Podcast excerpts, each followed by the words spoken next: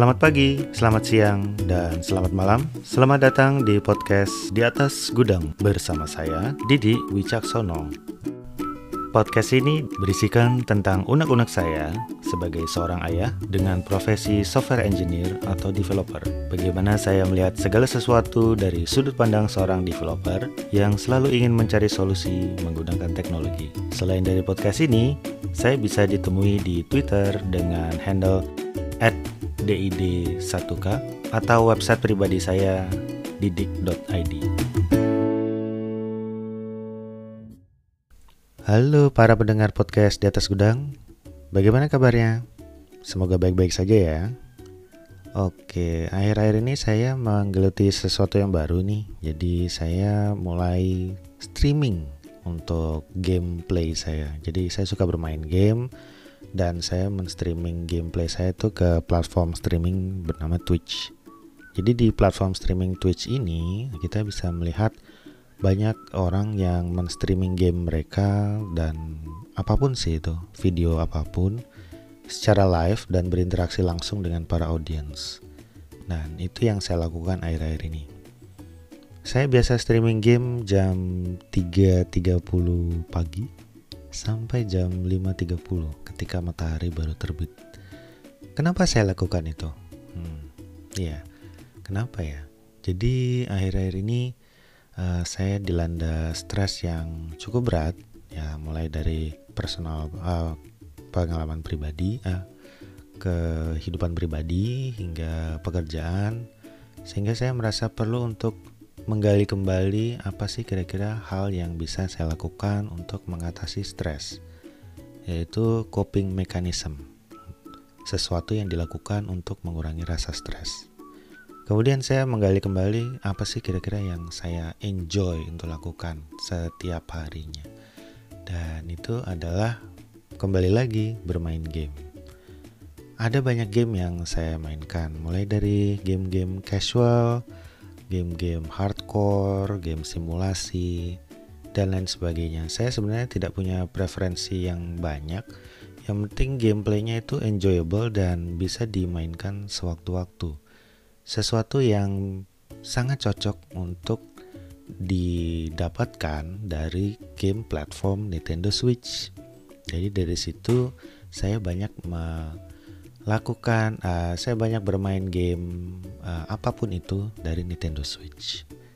Ada beberapa title yang akhir-akhir ini, akhir-akhir ini saya geluti, yaitu ada Stardew Valley, ya sebuah game simulasi farming sampai dengan nah bukan simulasi farming sih tapi game farming dan kehidupan dan dibarengi juga dengan um, apa? Ada storytelling juga ada RPG sedikit dan ada juga dungeon hunting di situ. Kurang lebih ada kombinasi berbagai macam hal yaitu cerita tentang seorang yang tinggal di desa dan hidup di sana setelah mengalami kegaduhan di dari perkotaan. itu adalah game yang menjadi spiritual successor atau um, apa warisan dari sebuah game jadul yang mungkin kalian pernah dengar di PlayStation dulu namanya adalah Harvest Moon. Walaupun sekarang Harvest Moon itu dilanjutkan dengan title yang baru yaitu Story of Season, tapi saya lebih merasa game yang paling cocok untuk mewarisi Harvest Moon ini adalah Stardew Valley ini. Dan komunitasnya juga cukup banyak di Twitch dan mereka juga sering bermain bersama dan suka untuk uh, berbagi tips cara bermain atau bahkan hanya ngobrol-ngobrol santai saja. Itu tentang Stardew Valley. Yang kedua adalah tentang Civilization 6 yaitu sebuah game strategi yang turn based atau bergantian di mana kita bermain sebagai seorang hmm, pemimpin pemimpin suatu negara. Jadi ini adalah lebih kurangnya game strategi untuk menguasai dunia. Wah. Sepertinya terdengar berat namun game ini sebenarnya cukup cukup ringan dijalankan di platform apa pun bahkan ada di iPad juga. Namun game ini strateginya cukup komprehensif. Jadi kita starting pointnya itu dari zaman purbakala. Eh enggak zaman purbakala sih tapi dari zaman 4000 tahun sebelum masehi gitu before Christ. Dan kita starting di situ sebagai seorang settler atau uh, penomaden yang baru saja mendirikan sebuah pemukiman. Dan di situ dia uh, mulai mengembangkan kotanya satu persatu, mengunlock teknologi yang didapatkan hingga akhirnya berkembang menjadi sebuah negara dengan megapolitan, kota-kota megapolitan yang sangat besar. Atau mungkin bahkan menguasai dunia. Hmm.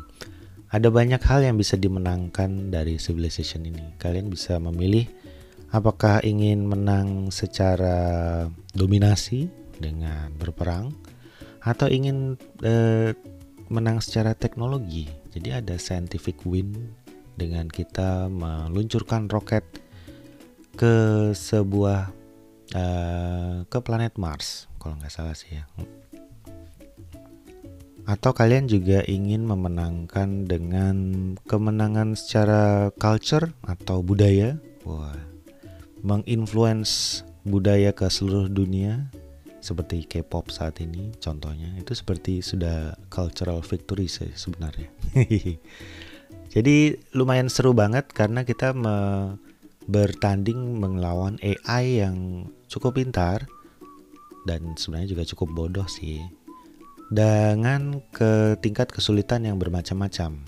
Nah, tingkat kesulitan yang semakin tinggi eh, itu akan membuat AI-nya punya keunggulan yang semakin banyak misalnya membangun lebih cepat atau bahkan punya punya inisiatif yang lebih agresif ya apa pun perang apa pun perang contohnya seperti itu. Dan Civilization ini saya suka bermainnya mulai dari seri yang sangat awal itu di Civilization 2 malah. Itu dari itu sebenarnya game PC yang diporting ke PlayStation. Nah, itu saat itu saya gemar sekali bermain Civilization 2 mula karena mendapatkan title tersebut terpampang di rak sebuah rental PlayStation. Di situ ada game di situ di mana kita bisa meminjam gamenya untuk dibawa pulang. Namun karena saya terlalu sering untuk bermain game tersebut dan tidak pernah ada yang meminjam game itu, saya boleh untuk membelinya. Jadi akhirnya saya membeli game tersebut dengan harga yang lebih mahal sebenarnya yaitu 50.000 kemudian saya bawa pulang. Dan akhirnya saya bermain itu terus setiap ya setiap ada kesempatan kalau misalkan tidak ada game lain yang sangat menarik. Jadi itu tentang Civilization. Kemudian yang akhir-akhir ini saya getol mainkan itu adalah sebuah game uh, roguelike yang namanya adalah Hades atau Hades. Itu adalah sebuah game uh, game fighting uh, hack and slash di mana sistemnya itu adalah roguelike. Roguelike itu adalah sebuah game yang berdasarkan dari sebuah game jadul yang namanya Rogue. Itu sebuah dungeon crawling game yang cukup unik. Jadi di game tersebut ada konsep yang namanya permadeath atau permanent death.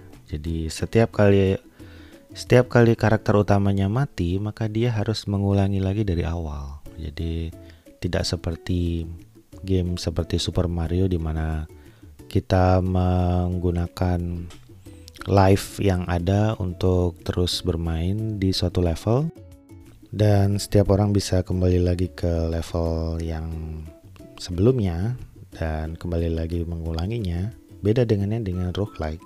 Roguelike itu kamu harus kembali lagi ke yang level pertama level 1 walaupun kamu sudah menempuh ke level 10 misalnya. Nah game Hades itu adalah game seperti itu. Namun dengan uh, gaya cerita yang cukup unik jadi dikisahkan seorang seorang anak dari uh, Hades yaitu dewa kematian dari Yunani itu ber, yang bernama Zagreus itu berusaha untuk uh, pergi ke atas atau pergi ke dunia atas di mana dia ingin melihat dunia di luar daripada dunia kematian atau dunia alam atau dunia alam baka. Jadi dia akan berusaha untuk menempuh level-level yang ada di dalam alam baka sambil berusaha untuk naik ke atas mengalahkan eh, bos-bos yang sudah dihadapkan oleh ayahnya sendiri untuk mencegah dia untuk naik ke atas. Cukup menarik karena ceritanya cukup unik dan juga gameplaynya sangat atraktif. Jadi kita bisa sambil naik, kita juga bisa sambil power up dan mendapatkan equipment eh, atau uh, power up tertentu dan setiap kali kita bermain dan kalau misalkan kita mati power upnya akan terbawa lagi untuk game berikutnya. Namun yang uniknya dari game tersebut semakin lama kita bermain game ini, game ini akan membuat diri kita semakin kesusahan untuk naik.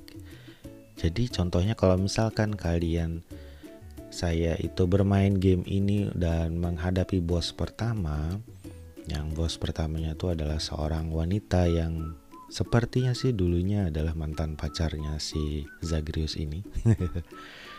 Kemudian di ketika menghadapi uh, bos ini untuk kesekian kalinya, ternyata bukan hanya bukan wanita ini yang dihadapi, namun adalah uh, saudara-saudaranya. Jadi kadang-kadang saudaranya yang pertama yang hadir, kemudian saudara yang satunya lagi yang hadir, dan kadang-kadang berganti-ganti. Hingga suatu saat ketika saya melihat ada seseorang bermain Hades Hades ini di Twitch, saya melihat ketiga saudari-saudari tersebut itu menghadapi kita secara bersamaan. Wow, ini kayaknya sudah berapa kali main ya. Jadi semakin lama semakin susah dan semakin menantang. Itu adalah game Hades.